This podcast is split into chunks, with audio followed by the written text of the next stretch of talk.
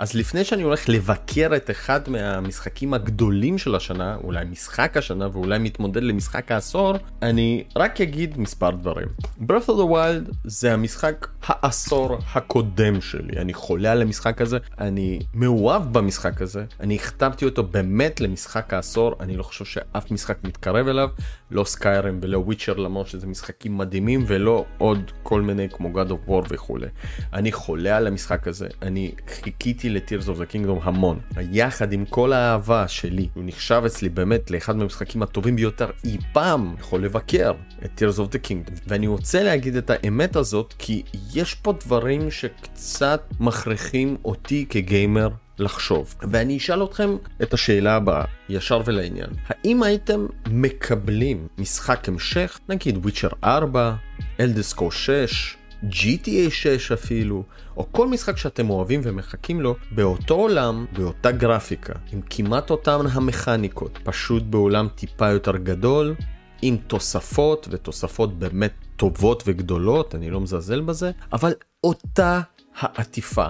לגמרי. אני חושב שבמשחקים האלה זה לא היה מתקבל. אני חושב שהגיימרים או העולם היה מרים גבה. האם זה מה שקורה ב-Tears of the Kingdom? בואו נראה. אני קרוב ל-5, 7, אולי 8 שעות בתוך המשחק, אני ממשיך לשחק ולחקור. אני הייתי למעלה, ירדתי למטה וגם הייתי בקומת מינוס אחד. אני חוקר את העולם הזה, אני בכיוון אולי לעיר השנייה ויש לי איזושהי הרגשה שאני חייב לספר לכל מי שמשחק ותראו האם אתם מסכימים או לא. המשחק מעולה, בסדר? בסופו של דבר זה זלדה, זה משחק זלדה וזה ברפורד of אבל לא יחד עם זאת ולא מילה אחרת נרדפת, אבל עם אבלים גדולים. ובואו נתחיל. דבר ראשון, המשחק ממש ממש דומה of the Wild. נפרק את זה. שריינים. שריינים קיימים. אותם השריימים שהיו אז, לא במילה האותם אותו הדבר, אלא כקונספט. שריינים. ארבעה שריינים, אתם... משתדרגים בין עם לבבות, בין עם סטמינה ואולי אפילו משהו אחר. אותו הדבר. נכון, השריינים שונים, הם הרבה יותר יפים, הם הרבה יותר מגניבים, אבל זה אותה המכניקה. קורוקסיד, כאילו, חבר'ה, אז עכשיו אתם משחזרים את הקורוקסידס שוב, ושוב אני צריך לטפס על איזה מגדל גבוה ול... ולמצוא שם קורוקסידס, ושוב אני צריך להרים אבן כדי למצוא שם קורוקסיד וכן אני יכול עכשיו להעביר את החבר'ה האלה ממקום אחד לשני כדי למצוא קורוקסיד אותו הדבר אוקיי בוא נמשיך. הנשקים נשברים מכניקה שאני ממש אהבתי ב-Breath of the Wild והיא חוזרת פה כלומר הנשקים המגנים החץ וקשת הכל הוא לא תמידי. אולי זה ישתנה בהמשך? אני לא יודע, אבל כרגע זה ככה. מבחינת המכניקות האלה שציינתי, זה זהה. אולי כנראה בהמשך המשחק אולי טיפה שונה. נכון, יש את המכניקה שאפשר להדביק כל דבר לכל דבר בין האובייקטים. אפשר להדביק גם דברים לחץ וקשת ואפשר גם לשחק עם הנשקים שלכם ולהפוך אותם למשהו אחר. מקובל, אחלה, אחלה תוספת, אני מאוד מאוד מאוד אוהב את זה. הכוחות שהיו ב-Breath of the Wild, בין אם זה פצצות, מגנט, יצירת קרח ממים וכולי, הוחלפו בכוחות מדהימים אחרים. אחלה, ממש אחלה. אבל בגדול, מעטפת, אותה מעטפת. עכשיו, בשעתיים הראשונות לא מרגישים את זה, כי אתם נמצאים למעלה באיים, אבל ברגע שצללתי, ואני חייב להגיד, כן, הצלילה מטורפת. אני לא חושב שראיתי את זה באף משחק שקיים, אבל הצלילה הזאת למטה הובילה אותי להיירול, וההרגשה היא שאני בהיירול. אתם אוהבים את זה או לא אוהבים את זה, זה כבר סובייקטיבי, אבל זה כמעט אותם המונסטרים, יש הפתעות, אני לא אומר שלא. אותם המונסטרים, אותם הקרבות, אותם פלחי יערות קטנים שמחביאים כל מיני סודות, אותו חיפוש אחרי השריינים ואותם הטאוורס שבעצם מגלים לכם את אותו חלק של הבמה. זהה, דומה, אותה מעטפת. האם זה היה מתקבל ב-GTA 6, בוויצ'ר 4, באלדסקו 6? אני לא יודע. עם אותה גרפיקה? עם ביצועים אה, זהים למשחק הקודם? לא יודע. זה גם מעלה שאלה יותר גדולה. מה אנחנו בתור הגיימרים מצפים ממשחק המשך? עכשיו, אני אגיד לכם את הדעה שלי. אני חושב שאלדן רינג 2, אם הוא היה באותו עולם, עם אותם אויבים, טיפה יותר גדול, עם שטחים בצורה שונה, אולי עם...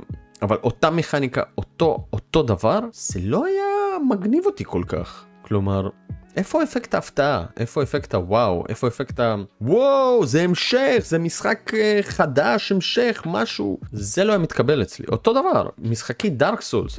אתה תגיד, נו, אבל זה אותו סול, זה אותו דבר, זה... לא, זה לא אותו דבר. הבדל בין דמון סוס לדארק סוס לדארק סוס 2 ו-3, הם שונים.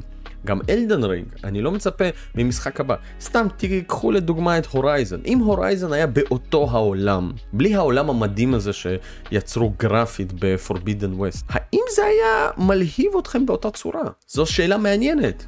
כי זה קורה כרגע בשבע שעות שאני נמצא בהם בתוך זלדה. כן, יש את ה underground, כן, יש את ה upper level, כן, יש את הכוחות, אני מבין הכל.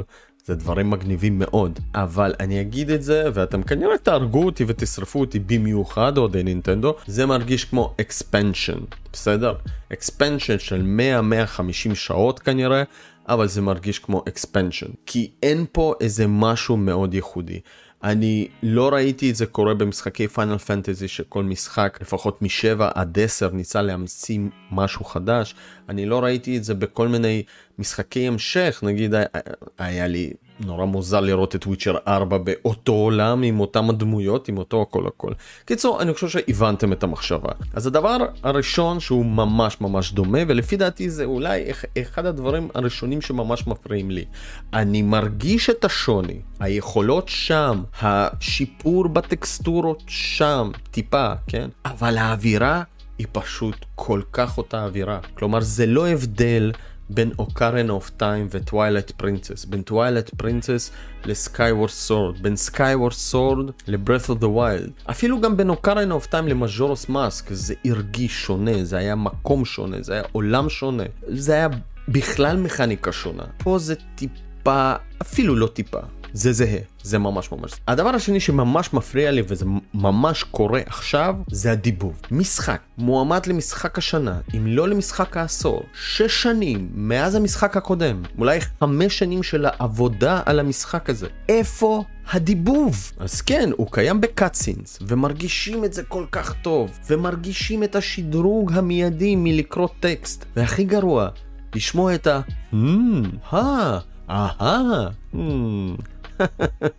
או, אהה, וואו, זה אולי רגיל לדור ה-DS, ל-3DS, אבל חברים, כשיוצא משחק כמו Fire Emblem Three Houses, שמדבב את כל השיחות, כמעט, שיחות ארוכות בין התלמידים, בבית הראשון, שזה משחק באורך 60 שעות, אבל בשלושה בתים, שזה קרוב ל-180 שעות של משחק, והדיבוב קיים שם, והוא מדהים, וזה אדיר, ואפילו גם אפילו, לא Three Houses, אל תלכו רחוק, היירול ווריורס, אוקיי? היירול ווריורס, שהציג לנו את העלילה, והיה שם דיבוב, אחלה, הרגישו את הדיבוב, היה דיבוב. פה, לפחות היו עושים ב-NPCs, הראשיים, אוקיי? אבל לא רק ב cutscenes, מה כבר cutscenes אנחנו נראה כאן. עכשיו יכול להיות שזה לא מפריע למישהו וזה בסדר, אבל אני כשאני מסתכל על משחק triple A מטורף שאמור להיות מלא מכל הכיוונים, בין אם זה גרפיקה, בין אם זה סאונד, בין אם זה סאונד דיזיין, עיצוב וכולי, הדיבוב, כשיש אפילו סיפור וכשאנשים זה חלק מזה. וה-workaround של צלילי התחלת שיחה או איך שקוראים לזה, יש לזה שם ספציפי, אני כבר פשוט, זה פשוט מעצבן. Breath of the Wild היה משחק של ווי יו. עם המגבלות של ווי יו. כלומר, מה ששיחקנו בסוויץ' זה היה פורט. וכן, אחד מהמשחקים הטובים ביותר שנוצרו אי פעם, ונחשב למשחק במקום הראשון בטופ 100 של המשחקים הכי טובים אי פעם ב-IGN, הוא משחק של ווי יו, קונסולה כושלת, והוא פורט של ווי יו לסוויץ'. אז כן, היו מגבלות. האם המגבלות נפתרו כאן? כן ולא. יש פה דברים מטורפים. כמו שציינתי הקפיצה למטה אני לא חושב שראיתי את זה באיזשהו משחק אני לא חושב שראיתי את החופש המטורף הזה שאתה נמצא במפה עליונה פלוס אחד ואתה קופץ למטה ואין לך מסכי loading, אין לך שום דבר.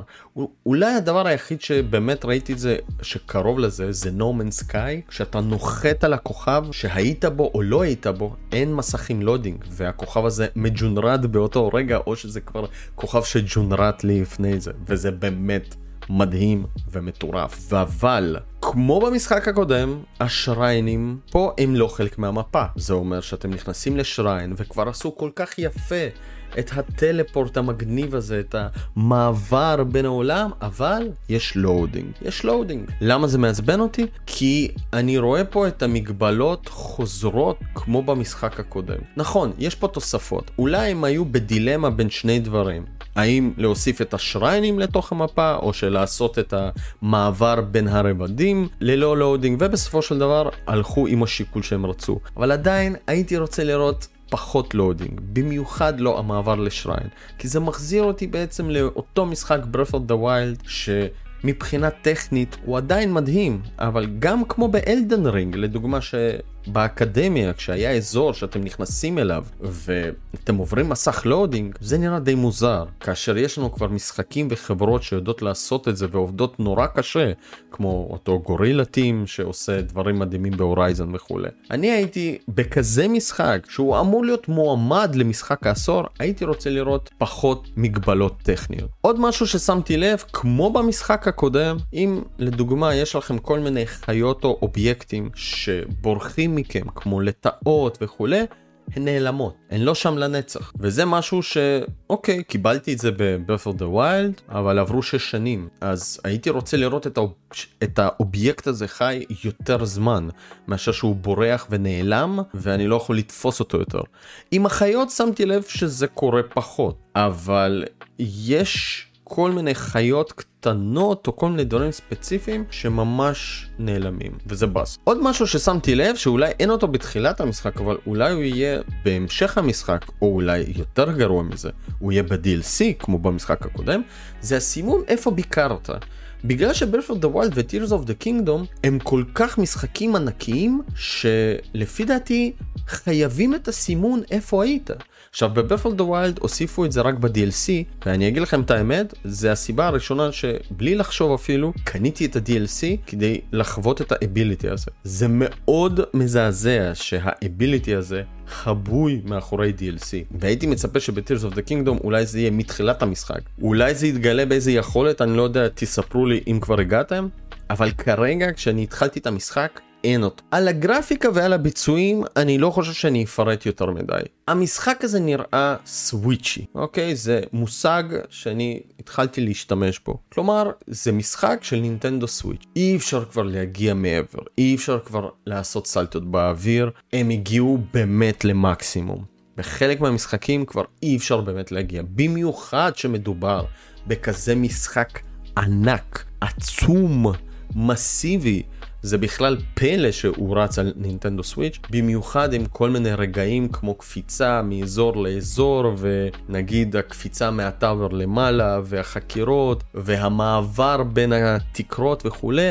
יש פה דברים מדהימים שאין לי מושג איך הם הצליחו באמת לעשות עם כל המגבלות של זה. זה אני בוודאות נותן להם את הקרדיט ואני חושב שכולנו מסכימים על זה. יחד עם זאת, זה עדיין משחק שנראה הרבה יותר טוב בהנדהלד, אני משחק אותו לרוב בנייד, כי על טלוויזיה הוא כבר טיפה קשה. הסוויץ' כבר חלש. היה הכי מדהים בעולם לשחק את המשחק הזה על סוויץ' פרו. ואני חושב שזה באמת אחד מהפספוסים של נינטנדו. אני הייתי מעדיף שלפי השמועות, איך שזה נראה שהשנה הם לא הולכים לשחרר אף קונסולה, אני הייתי מעדיף שהם ישחררו את המשחק הזה ב-2024 ולשחק אותה בקונסולה הרבה יותר חזקה. כי תכלס אם אני אסיים אותה עכשיו על Switch, מה הסיכוי שאני אשחק אותה על Switch Pro בעוד שנה ושנתיים? יכול להיות שאני אעשה את ה-run השני, אולי את ה-run השלישי, אבל זה כבר לא יהיה ה-run הראשון. זה לא יהיה הוואו הראשוני של oh my god, oh יש לנו פה קונסולה חדשה, יש לנו פה את הזלדה החדש, מוש, לא צריך שום דבר מעבר לזה. אז על הגרפיקה ועל הביצועים אין פה באמת יותר מידע מלהגיד. זה משחק Switch-י, הוא רץ ב-30 FPS, עם פריים דרופס, אני הרגשתי, בחלק מהמקרים.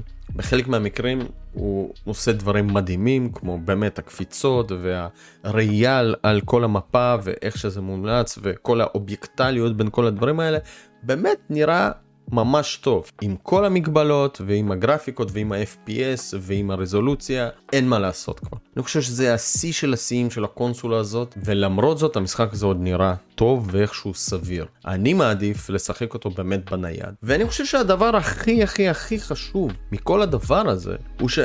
אני מכיר אנשים שמשחקים במשחק הזה ולא שיחקו ב-Birth of the Wild. עכשיו תחשבו על זה שנייה. המשחק הזה כל כך דומה ל-Birth of the Wild. לפחות הוא נראה ככה, בסדר? מהשבע שעות הראשונות שלי. אני אגיד את זה, יכול להיות שאני אשנה את הדעה שלי אחרי 10 שעות, 20 שעות, 50 שעות. אבל כרגע זה מה שאני מרגיש וזה מה שאני רואה. ומה שאני רואה, זה יכול להיות שהמשחק הזה פשוט מוציא מרלוונטיות את Breath of the Wild. ולמה? כי המשחק הזה הוא בעצם Breath of the Wild פלוס. אחרי שיש כבר את היכולות האלה, ואחרי שיש את כל הדברים החדשים שהם הוסיפו, לחזור ולשחק Breath of the Wild יכול להיות לאותו שחקן שיסיים את Tears of the Kingdom, יהיה טיפה לא נוח כי אין לו כבר את היכולות של הפיוז והוא לא יכול לעבור בתקרות והוא לא יכול לחבר בין דברים כמו שחיבר וכולי. אני חושב ואני מקווה שאני טועה אבל כרגע מהשעות ששיחקתי המשחק הזה מוציא מרלוונטיות את המשחק הראשון, וזה מאוד מבאס. אם הוא לא היה כל כך דומה מכל האספקטים שציינתי לפני זה, בין אם זה השריינס, בין אם זה הקורוקסידס, בין אם זה אותה המפה של היירול, כן, היא שונה, אני מסכים איתכם, היא שונה, אבל היא אותה מפה. בסדר, בין אם זה הגרפיקה, בין אם זה העיצוב האומנותי, אם זה לא היה כל כך דומה, אז ל-Breath of the Wild באמת יש את המקום שלו. אבל המשחק הזה נראה שיפור גדול ל-Breath of the Wild. עם דברים חדשים. זה מה שיש לי להגיד מהשבע שעות הראשונות. אני בטוח שיהיו אנשים שלא יסכימו איתי, אני אשמח לשמוע באמת, אני ממשיך לשחק. אני ממשיך ליהנות, אבל המשחק פשוט מעלה באמת הרבה שאלות לגביו, ולגבי בכלל התעשייה. אם נינטנדו מרשה לעצמה לעשות דבר, אולי אנחנו נראה יותר משחקים על אותו אנג'ן, אותה גרפיקה, אותו עולם, פשוט טיפה יותר גדולים וטיפה שונים. אני אשמח שתכתבו מה חשבתם. אני יודע שלחלק מהאנשים זה דברים קשים ואתם תרצו לשרוף אותי, אבל אני אשמח שתכתבו לי במקום זה, ואני אשמח לראות האם אתם מסכימים איתי, לא מסכימים איתי. לגבי הציון הסופי, כמובן שאני אתן אותו בביקורת, אחרי שאני אחפור על המשחק הזה, אבל כרגע ההרגשה שזה יהיה פחות מ-10. למרות כל הדברים המטורפים שהם המציאו פה, ולמרות שהמשחק הזה עבר מרמה של פתירת פאזרים להנדסת פתרונות. זה הישג מטורף למשחק בכללי. נינטנדו באמת יכול להיות עשו פה משהו שהוא. מטורף למשחק action adventure עולם פתוח וכל כך מורכב עם הגישה להנדסת פתרונות. וכמו במשחק הראשון שיכולתם לעשות כל מיני דברים בכל מיני דרכים האופציות כאן רק גדלו והמשחק הזה גורם לכם לחשוב. בינתיים כל מי שמשחק במשחק הזה ולא שיחק ב-Breath of the Wild אני חושב שהוא לא יכול להתחבר לכל מה שאמרתי אני חושב שהוא יעבור את אחת החוויות הכי מדהימות ב-gaming אבל כל מי ששיחק ב-Breath of the Wild יש פה משהו לחשוב עליו נתראה בסרטונים הבאים שימו לנו לייק תעשו לנו subscribe ויאללה בלאגן.